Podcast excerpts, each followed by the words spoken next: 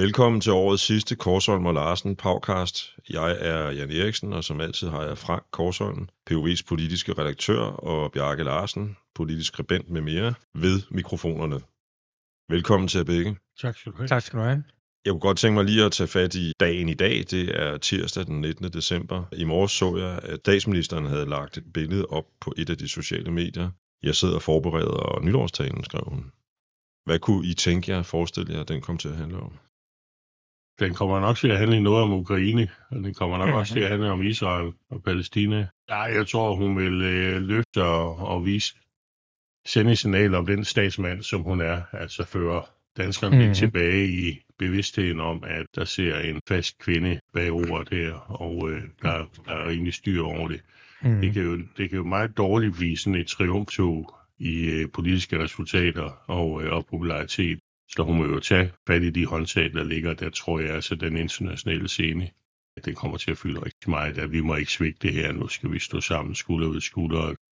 Og som du selv nævnte datoen den 19. er der jo også indgået en aftale med USA om, om soldater. Så øh, den, den får med, med fuld hammerne her. Det, vil, det vil fylde en del, men jeg tror også, hun vil se fremad. Altså nu har, nu har de ligesom haft det her annus horribilis, hvor det mildt sagt ikke er gået særlig godt, men som de jo også ligesom har brugt til at lave nogle af de upopulære reformer, altså afskaffelsen af Stor Bededag, som jo ligesom var det, der udløste den store katastrofe, og nu her i dag med, med øh, beskæring af øh, det der fjumreår, man kaldte det, det der ekstra år, man kan få SU. Og dermed har de ligesom opfyldt den del af regeringsgrundlaget, der skulle øge arbejdsudbuddet. Og nu kan man så begynde måske at tage fat på nogle af de populære ting, øh, der er en af hendes yndlingsting, det er jo blandt andet frisættelse af de offentlige ansatte, afbiokratisering og sådan noget, som hun jo har snakket om i mange år, men som ikke er blevet til noget, men som er en fast del af, eller en vigtig del af regeringsgrundlaget, og så, hvor jeg tror, at det er noget af det, de vil begynde at kigge på til næste år, fordi det er noget af det, der kan løfte dem igen, hvis de kan gøre det på en ordentlig måde. Det her med de amerikanske soldater, som øh, statsministeren siger, bliver til at møde, eller man kan komme til, være heldig at møde brusen, når først aftalen bliver sat i værk. Tror I, det er noget, der kan øge populariteten måske? Mm, ja, jeg tror ikke, det kommer til at, jeg tror ikke, det kommer til at betyde så meget på den korte bane. Altså, dem, der vil i være mod øh, aftalen, det, det er den yderste venstrefløj, det er enhedslisten. Det er nogle af, af de gamle i, i SF, men ellers ikke ret meget. Jeg tror, der hvor det betyder noget, det vil være, hvis der begynder at komme nogle problematiske sager. Altså en af tingene ved, ved, ved aftalen, den, det er jo ligesom det er også aftalt i Norge, at hvis der bliver begået noget ulovligt, noget kriminelt, så skal det håndteres af, af de øh, amerikanske myndigheder, politi, domstole osv. Og hvis der kommer en voldtægt, eller der kommer et øh, barn, der bliver kørt ned af, af en amerikansk soldat, og vedkommende så øh, måske ikke får en straf, man i Danmark vil synes, vedkommende skulle have, så vil det give et, et stort bagslag. Ja, det vil ikke være rart. Men øh, selve etableringen eller af de amerikanske soldater er jo et signal om, at vi står skulder ved skulder over for Rusland. Og det, det tror jeg, det signal i sig selv er meget, meget populært. Ja, der er jo lavet en undersøgelse der sådan her løbende over, over de sidste halvandet år om folks opbakning til til den danske støtte i Ukraine, mm. og, og i modsætning til, hvad Henrik Kvartrup analyserer sig frem til, så er støtten ikke faldende i be- befolkningen. Der er stadigvæk en meget fast øh, støtte til, det er enormt vigtigt at, at hjælpe Ukraine. Der har regeringen jo både, både øh, Mette Frederiksen og, og Troels Lund og Lars Løkke jo virkelig stået sammen og været blandt dem i Europa, som har gået længst i støtten senest med, med de her øh, moderne kampvogne, men, men sende sammen med svenskerne. Ikke? Og det har de helt opbakning til i størstedelen af befolkningen. Ja, og så ser man jo samtidig støtten til Ukraine vakle fra USA's side, og hvad kommer der til at ske næste år? Mm.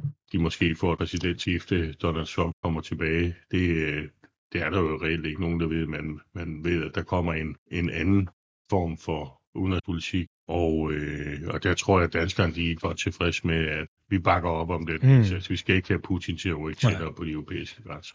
Hvis vi endelig skal snakke om noget udenrigspolitisk, der kan give problemer, så er det jo hele øh, Israel-Gaza-konflikten, altså, hvor, hvor alt jo tyder på, at Israel stadigvæk er fuldstændig stålfast benhårde på, at øh, den her kamp kan føres til ende. Det vækker altså i takt med, at antallet af civile øh, flere og flere tusind dør, så vækker det jo helt forståeligt en, en stigende modstand i den danske. Og, og det, det, det kan blive et problem. Og det gør det jo ikke kun i indvandrerkvarterer. Nej, altså, det gør nej. det jo bredt. Ja, ja. Det gør det bredt. Ja. Ja, det er jo klart, det er jo frygtelig stort, store tabstal der efterhånden af civile, ikke? Der er ikke noget, man, man kan ikke forestille sig noget værre end voldtægt, som du var inde på, eller, eller små børn, der bliver kørt over, eller, eller et overgreb, det kan være vold, eller måske ligefrem drab på danskere. Det understreger, det, man kan ikke forestille sig noget værre, men jeg vil dog alligevel sige med tungen i kinden, at det værste, jeg sådan lige sådan, øh, i, i min lille ge- gebet kan forestille mig, det er en ny soldat, der indspiller musik, den ligesom den amerikanske soldat Elvis gjorde, øh, da han var herovre i sin tid i Tyskland. Den, Det gjorde han da meget godt. Jeg er en stor fan af det. du er stor fan af det? Ja, ja, ja. Det må jo så være et, et, Mm. et iland, såkaldt ilandsproblem, der bliver... Der Ja, ja, det er et af de, det er et af de helt, helt, helt bitte små problemer, ja. Så lad os skynde os videre.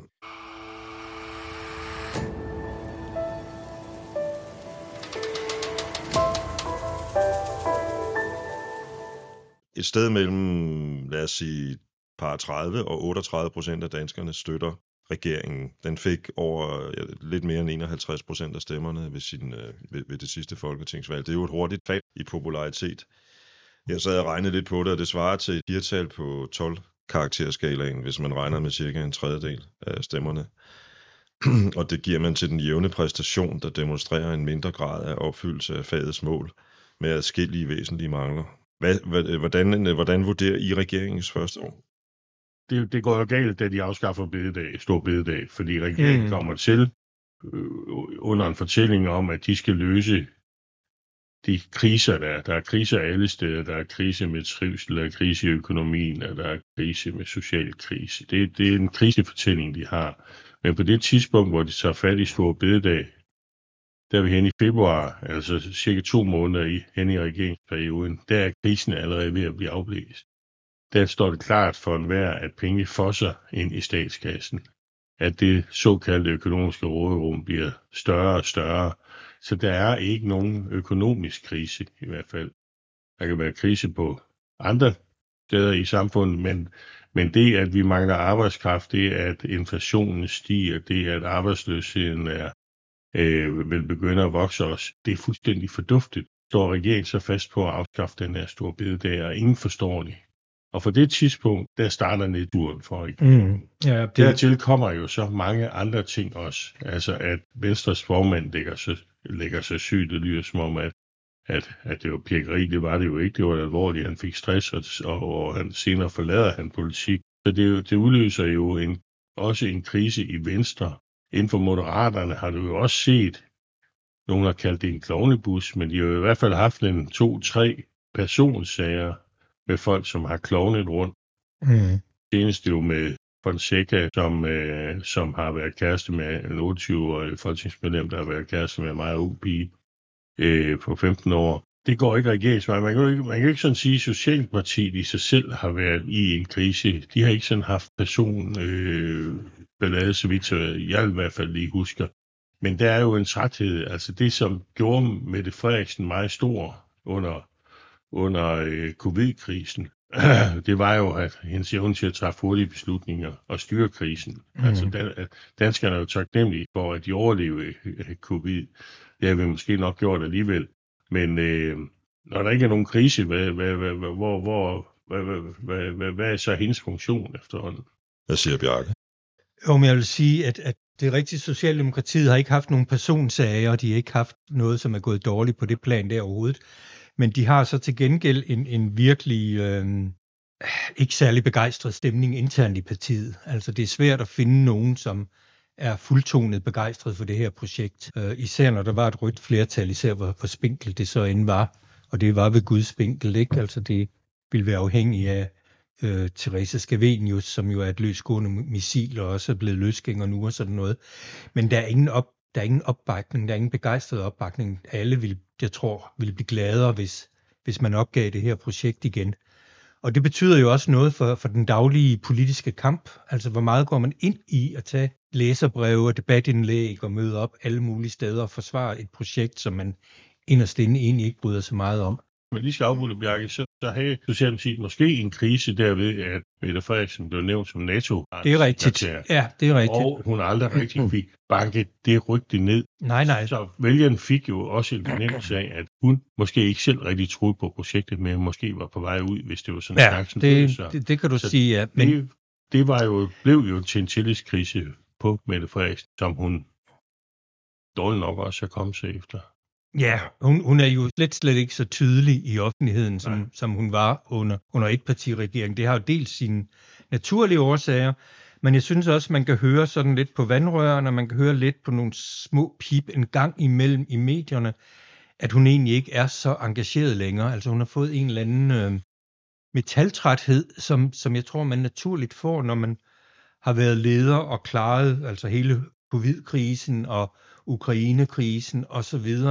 Orker man så at stå nede i Folketingssalen og svare på et eller andet drillespørgsmål fra en eller anden fra enhedslisten eller, eller Dansk Folkeparti? Altså, ah, på et tidspunkt, ikke? Altså, man kan mærke, hun, hun har ikke det engagement i det, som hun har haft en gang. Hendes popularitet er jo også dalende, faktisk. Hendes popularitet er dalende, ikke? Ja. Øh, og, og, og, øhm, og man siger jo også, at hun, hun var jo dybt irriteret over alt balladen omkring øh, øh, Stor Bededag. Hun forstod det simpelthen ikke. Altså, nu havde vi besluttet det, så hold dog mund og lad os få det vedtaget og komme videre. Mm. Det var sådan ligesom hendes holdning.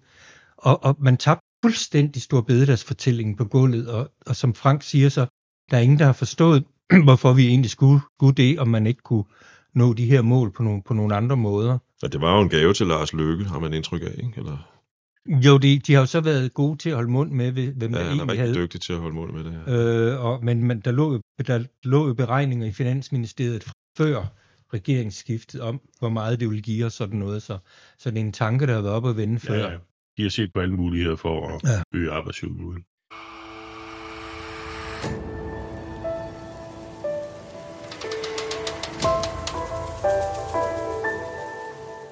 Men det interessante er jo, at her næste år, 2024, vil der jo helt uundgåeligt komme en regeringsrokade. Vi, vi skal jo udnævne en ny kommissær til EU. Og det er spørgsmålet om Mette Frederiksens navn så også vil dukke op. Vil hun, vil hun bringe sig selv i den position? Kun hvis hun kan få øh, en absolut toppost. Og det ved man jo, altså det er jo virkelig sparet spil, det ved man jo ikke før i sidste øjeblik. Der er rigtig meget, der kan gå Nej. galt, men altså ja, det, det, det kunne godt ske. spekulationerne ja. vil garanteret op. Ja, selvfølgelig vil de det. Men du har først spekuleret i Lars Løkke også som en mulig kandidat. Jo, men det bliver jo Mette Frederiksen, der bestemmer. Altså i sidste ende er det jo hende, Altså, hun har, ja, hvis hun, vil, hvis hun vil tage den og gå efter at få uh, enten den ultimative post som, ja. som kommissionsformand, eller den vigtigste næstformand, eller et eller andet andet. Men, men ja, det, der ligger vel også en forståelse af, at det, det er en socialdemokrat, der skal have posten. Mm, det tror jeg også. Altså, så, hvis... så, så Mette Frederiksen bringer sig selv i position, tager den. Det vil jo åbne virkelig en kæmpe kabale Øh, og jo, jo, det, men... det kan man jo ikke afvise, at hun vil gøre, fordi øh, hun ser jo også, og, og andre mennesker i Socialdemokratiet ser jo også, at og spekulere på, hvordan får vi os hivet op af, af dønne her. Mm. ligger nede på, jeg har jo set målinger på 19 procent. Ja, ja, nu, det er jo, det er jo nu er de løst, ikke? til er lige kommet op over de 20 igen, ikke? Ja, ja, men, altså, 20, ikke? Ja. men de fik 27 procent i vandet. Og, øh, og det kan godt være, at de kan fortsætte som regering, fordi man får en anden konstellation her om 3-4 år, når, øh, efter et valg, men øh, men så, så, så bliver det jo også uden Mette Frederiksen. Den situation indkasserer sådan et valgnederlag, som det ligger til. Men altså, problemet bliver selvfølgelig også, som man, man ser nu, øh, ikke mindst i Berlingske, at de er jo begyndt at, at have alle de her kronfølgerspekulationer, ja. og de har jo en effekt øh, i offentligheden, og det har også en effekt mm. internt i partiet. Og sådan Hvad tror noget. I? Altså, lad os nu sige, at, at det går, som du gætter lidt på, Frank, at, at hun lader sig friste af den der kommissær, og i øvrigt kan få den.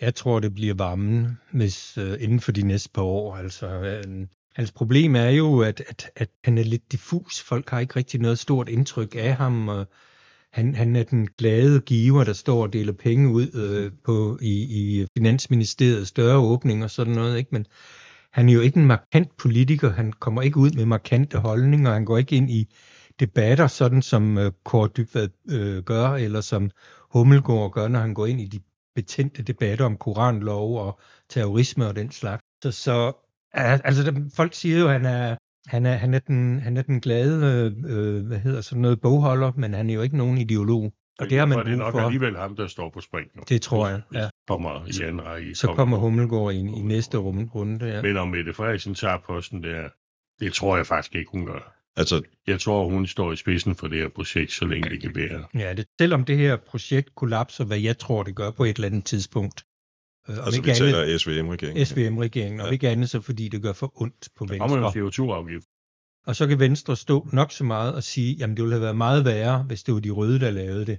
Den er svær at sælge til baglandet. Ja, det, det er den altså. Og, og hvis de bliver ved med at ligge nede på de der 8-9 procent, de gør nu, så, så kommer der et oprør i baglandet på et eller andet tidspunkt. Mm. Socialdemokraterne kan bedre tåle at ligge på 21-22 procent, fordi kan de hive 2 procent hjem i en valgkamp, som de er gode til, Ja. og komme tilbage på en 3-24, så vil det selvfølgelig være et nederlag, men det vil ikke være en katastrofe. Øh, Plus de kan danne sandsynligvis en rød regering. og pludselig kan sandsynligvis Eller danne en rød regering. Ja. med Ja. Hvis det lykkes øh, venstrefløjen at, at gøre det til et klimavalg igen, især, ikke? Altså, som, som øh, man har haft held med et par gange nu. Ikke? Mm. Ja, jamen det bliver det da. Det bliver da et klimavalg. Det, det tror jeg ikke, der er den- den store tvivl om. Det bliver jo også Mette Frederiksens store held. Mm. Mhm. Ja, ja, hun kan er altid hive de et par milliarder frem. Af, Hvis der er noget, de røde kan slå de blå på, så er det jo klima.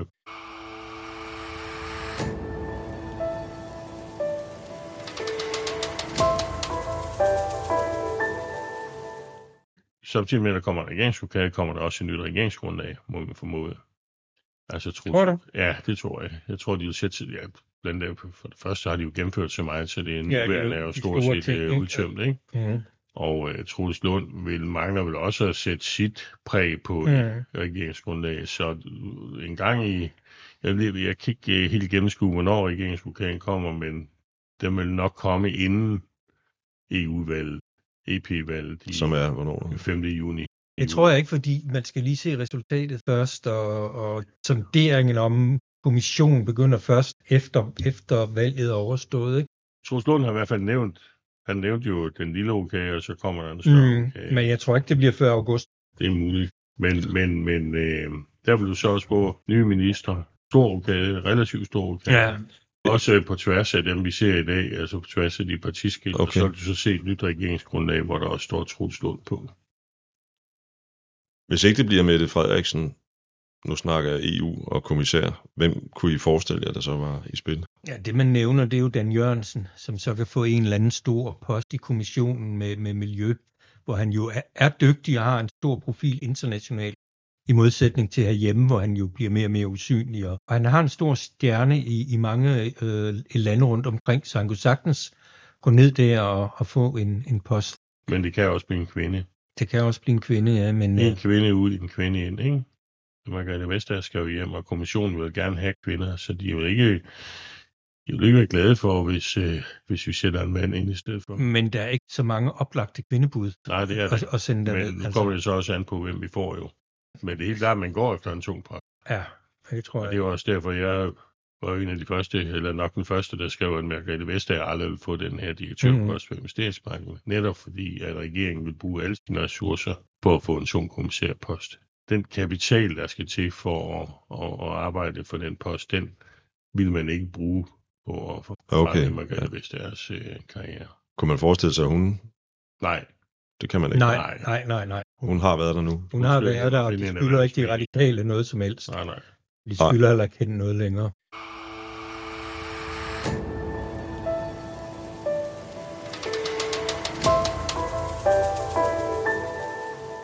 Hvis vi lige kigger på, på de her meningsundersøgelser igen, og vi har snakket om, at S har været nede under 20 procent. Der er et stykke ned til SF, som ligger omkring 13 procent, men dog stadigvæk det største, eller det største parti efter Socialdemokratiet. Mm. Hvordan synes I, øh, SF gør det her? Jamen, de har støvsuget alle de der utilfredse socialdemokrater op. Øh, og jeg synes egentlig, de gør det godt. Altså, jeg synes, de gør... Øh, de er jo opposition, når der er brug for at være opposition, og, og øh, de gør samtidig en hel masse for ikke at skære så meget ud, at de bliver betragtet som regeringsudulige. Altså, det så man med, med øh, aftalen om FE-undersøgelsen, hvor de sprang fra alle de andre partier i absolut sidste øjeblik, og til gengæld fik de en rigtig SF-mærkesag ind med, at der skal være mere kontrol med efterretningstjenesterne på lang sigt.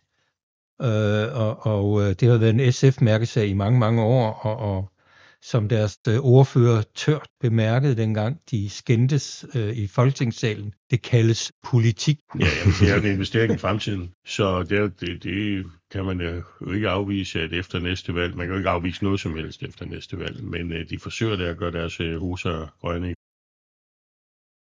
Tror, det, tror I, at der kommer et valg allerede nu i 2024? Nej. Vi har snakket om, at der kunne komme nogle sprækker. Nej, det tror jeg. Nej, det tror jeg ikke. Altså, det, øh, de står for dårligt i meningsmålingerne, om ikke andet. Så holder det dem sammen. De, øh, de ved, at alle tre vil få en katastrofe, hvis, hvis der kommer valg inden for, i hvert fald inden for det næste halve år. Men altså, sådan som også verdenssituationen udvikler sig, altså hvem havde troet, der ville komme den her totale eksplosion i, i, i Mellemøsten. Der kan ske dramatiske ting, Jeg som kan også, vende, øh, vende op og ned på det. Hvis det, der skulle udløse et valg, for eksempel at Venstre skulle trække sig ud af regeringen, hvad skulle, hvor skulle de gå hen? Altså, hvad, hvorfor skulle de gå over i en dysfunktionel øh, blå blok? Og, og vil det i det hele taget udløse et valg, vil Mette Frederiksen og Lars Løkke Rasmussen ikke sige, at så, så fortsætter vi som mindretalsregering? Selvom de trak sig ud, så ville det jo ikke nødvendigvis udløse et valg. Altså, der er stadigvæk et rødt flertal, og der er stadigvæk Ja. masser af samarbejdsmuligheder hen over midten med, med Lars Løkke. Kommer ikke folketingsvalg i 2024, der kommer en stor regeringsrokade, der kommer sandsynligvis et nyt regeringsgrundlag også. Det bliver spændende politisk år. En ny formand for de konservative, det tror jeg også godt, jeg tør gætte på. Så kan vi altid se om et år. Med de ord, så tror jeg egentlig bare, at jeg vil sige øh, rigtig god jul og godt nytår til jer to. I lige måde. Og til vores lyttere. Ja, Og øh, vi vender jo selvfølgelig tilbage i januar. det Ja. gør vi.